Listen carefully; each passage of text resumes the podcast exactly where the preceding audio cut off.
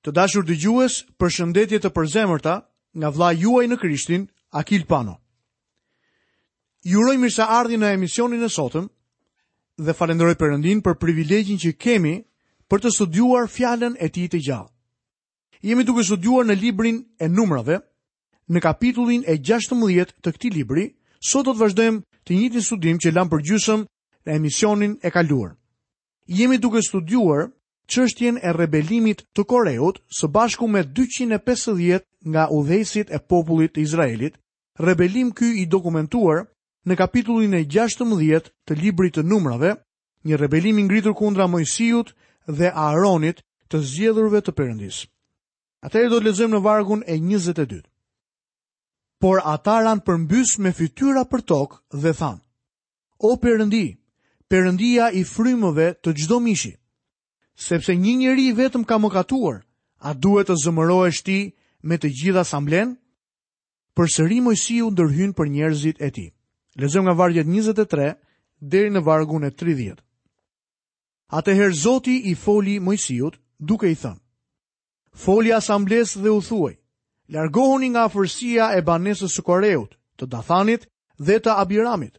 Pastaj Mojsiu u ngrit dhe shkoi tek Datani dhe Abirami, atë e ndoqën pleqtë e Izraelit. Pas kësaj i foli asamblesë duke thënë, Largohuni nga çadrat e këtyre njerëzve të këqinj dhe mos prekni asgjë që u përket atyre, që të mos treteni në të gjitha mëkatet e tyre. Kështu u larguan nga afërsia e banesës së Koreut të Datanit dhe të Abiramit. Datani dhe Abirami dolën dhe u ndalën në hyrje të çadrave të tyre bashkë me gratë e tyre, me bijtë e tyre dhe me të vegjlit e tyre. Atëherë Mojsiu tha: Nga kjo do të mësoni që Zoti më ka dërguar për të bërë tërë këto vepra dhe se nuk kam vepruar me kokën time. Në qoftë se këta njerëz vdesin si vdesin gjithë njerëzit, në qoftë se fati i tyre është fati i përbashkët i të gjithë njerëzve, Zoti nuk më ka dërguar. Por në qoftë se Zoti bën diçka të re, në qoftë se toka hap gojën e saj dhe i gëlltit ata dhe çdo gjë që ata kanë dhe ata zbresin të gjallë në Sheol, atëherë do të pranonin që këta njerëz kanë përçmuar Zotin. Është e tmerrshme për një njeri apo grup njerëzish të mos i binden Zotit dhe udhëheqësve të tij të vajosur në mënyrë hyjnore. Është e tmerrshme të vendosësh një sistem të vogël adhurimi dhe kështu të ndash njerëzit e Zotit. Perëndia duhet të merret me këtë lloj rebelimi dhe ta gjykojë. Lexojmë vargun 31 deri në vargun e 33. Por ndodhi që po sa mbaroi shqiptimi i këtyre fjalëve, dheu u ça poshtë tyre. Toka hapi gojën e saj dhe i gëlltiti me gjithë familjet e tyre, me të gjithë njerëzit që mbanin anën e Koreut, me të gjitha pasuritë e tyre. Kështu zbritën të gjallë në Sheol. Toka u mbyll mbi ta dhe ata u zhdukën nga asambleja. Është e tmerrshme të shohësh se si i gjykon Zoti këta njerëz. për shkak se po përpiqeshin të ndanin popullin e Zotit. Zoti gjykoi në të njëjtën masë të mëkatit të tyre. Ai ndau njerëzit për t'i veçuar nga Koreu dhe grupi i tij dhe pastaj toka u hap dhe i gëlltiti brenda. Në letrën e drejtuar Galatasve në kapitullin e 6 dhe vargun e 7, ne shohim të dokumentuar këtë varg. Mos u gënjeni, Perëndia nuk vihet dot në lojë, sepse ç'të mbjellë njeriu, atë edhe do të korrë. Perëndia gjykon sipas mëkatit të njeriut. Kjo ishte e vërtetë për Jakobin e Vjetër, për Davidin, apostullin Pal dhe do të jetë e vërtetë për mua dhe për ty. Atëherë lexojmë në vargun 34 dhe 35. Tërë Izraeli që ndodhej rreth tyre, duke dëgjuar britmat e tyre ua mbathi këmbëve sepse thoshte: të mos na gëlltisë toka edhe ne. Dhe një zjarr doli nga prania e Zotit dhe gëlltiti 250 veta që ofronin temjanin. Këta njerëz kishin qenë udhëheqësa në Izrael. Ata menduan se duhet të kishin më shumë rëndësi në shërbesën e tyre. Çfarë paralajmërimi për ne sot? Shumë njerëz kanë një dhuratë të mrekullueshme për t'i shërbyer Zotit, dhe kjo do të thotë që duhet të shërbejnë përulësisht, por shpesh do t'u duket sikur kanë aftësinë për të drejtuar kishën. A e mbani mend Dorkan që kishte dhuratën e të qepurit? Kjo dhuratë ishte aq e rëndësishme për kishën e hershme, sepse Zoti përdori Pjetrin për ta ringjallur atë nga vdekja. Mendoj se sot kemi nevojë për zëra të pakët që flasin dhe për më shumë njerëz që bëjnë punëra të tilla praktike në kishën e Zotit të gjallë. Kemi nevojë që njerëzit t'i bëjnë punët e tyre përulësisht. Çdo dhuratë është e rëndësishme. Xhelozia dhe rebelimi do të gjykohen nga Perëndia. Lexojmë më poshtë vargjet 36 deri në vargun e 40. Pastaj Zoti i foli Moisiut duke i thënë: I thuaj Eleazarit, birit të priftit Aron, të nxjerrë jashtë temjanicat nga zjarri sepse ato janë të shenjta dhe ta hedhë zjarrin larg. dhe nga temjanicat e atyre që kanë kryer mëkate, duke vënë në rrezik jetën e tyre, të bëhen aq petëza të rrahura për të veshur altarin, sepse i kanë paraqitur para Zotit dhe për këtë arsye janë të shenjta dhe do të shërbejnë si një qortim për bijtë e Izraelit. Kështu prifti Eleazar mori temjanicat prej bronzi të paraqitura prej atyre që ishin djegur dhe bëri petëza për të veshur altarin.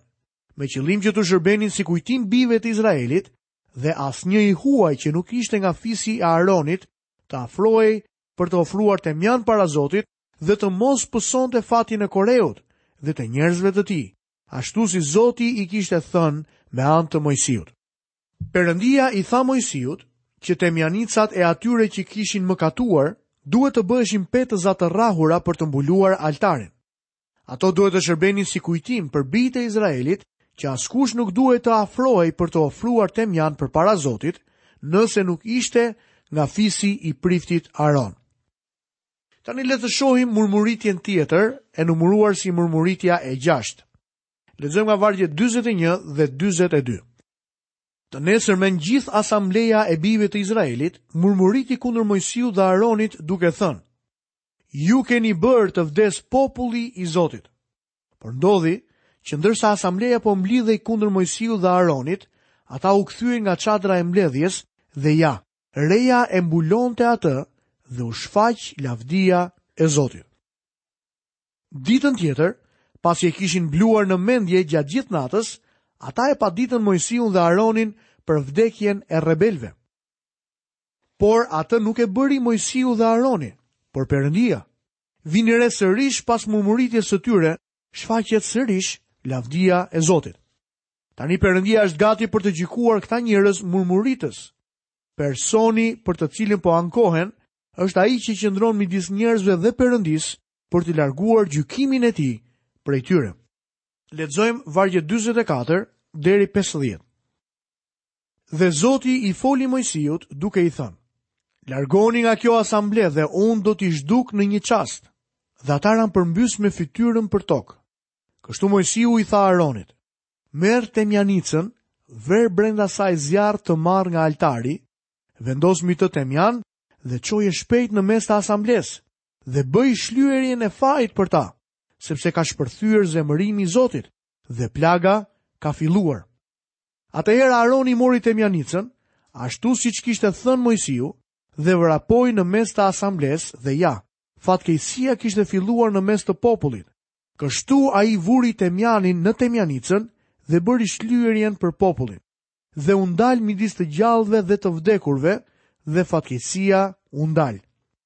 Ata që vdiqën nga fatkeqësia ishin 14700 veta, përveç atyre që kishin vdekur për shkak të ngjarjes së Koreut. Kështu Aroni u kthye tek Mojsiu në hyrje të çadrës së mbledhjes, sepse fatkeqësia kishte ndalur. Personi ndaj të cilit ata po rebeloheshin ishte ai që i shpëtoi.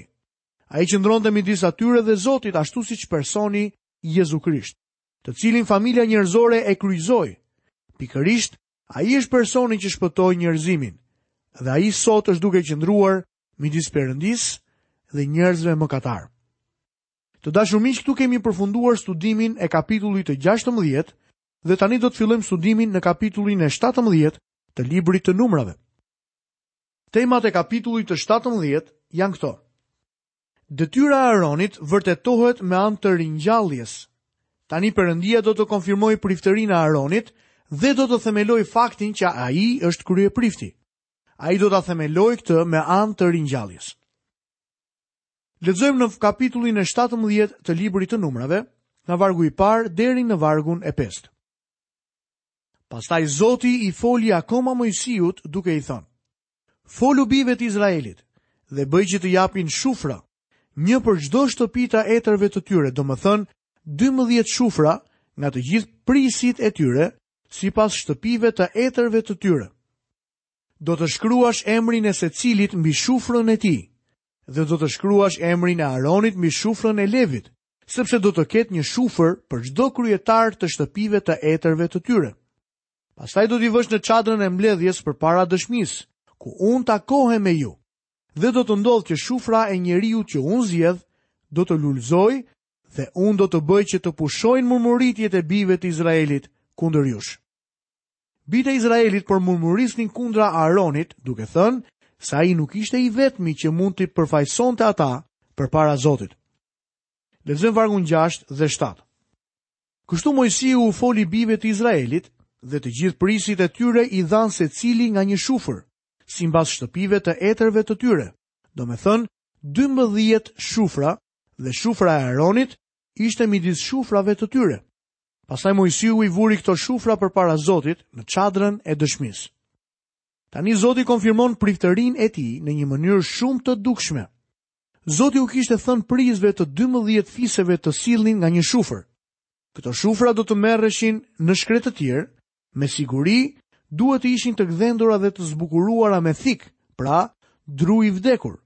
Pastaj këto shufra do të vendoseshin para Zotit në tabernakull. Shufra e Aaronit ndodhej atje midis të tjerave dhe ishte e vdekur njëlloj si të tjerat. Por shikoni se çfarë ndodhi. Lexojmë vargun e tetë. Të nesërmen Mojsiu hyri në çadrën e dëshmisë dhe ja, shufra e Aronit për shtëpinë e Levit kishte lulëzuar, kishte nxjerrë lastar, kishte çelur lule dhe kishte prodhuar bajame. Kjo ishte të nxirrje jetë nga vdekja. Priftëria e Aronit u konfirmua me anë të ringjalljes, Shufra e Aaronit kishte lulëzuar, kishte nxjerrë lastar, kishte çelur lule dhe kishte prodhuar fruta. Jetë nga vdekja, pra ringjallje. Në pranverë lulëzimi i pemëve që kanë qenë në gjumë gjatë gjithë dimrit nuk ilustron jetën nga vdekja. Këtë gjë nuk e ilustron as veza. Në vezë ndodhet një embrion jete.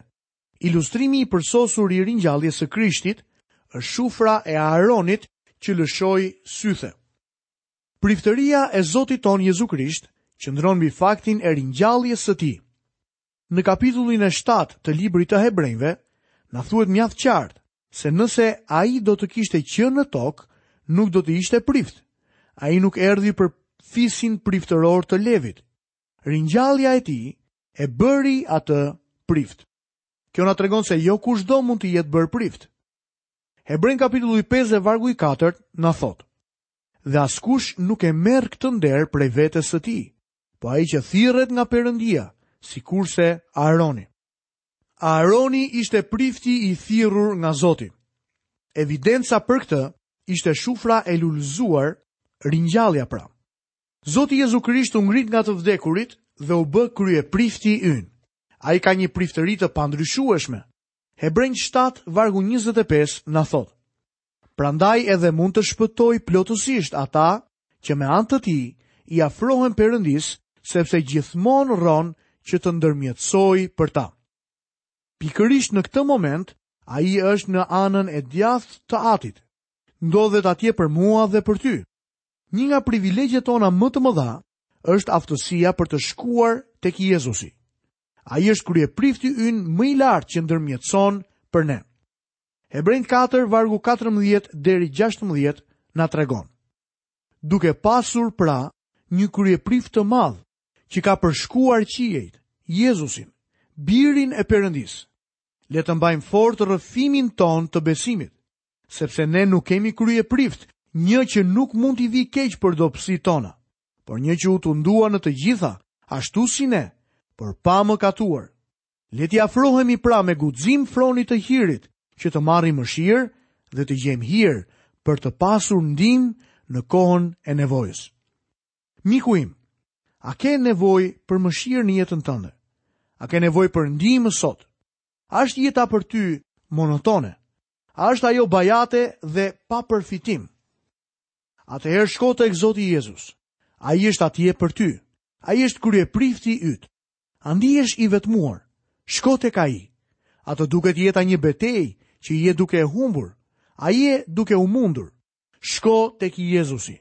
A është jeta një luftë kundra tundimit që nuk mund ta kapërcesh? Shko tek ai. A është jeta një gabim i tmerrshëm dhe ke nevojë për zgjuarsi në udhëkryqin e vendimit?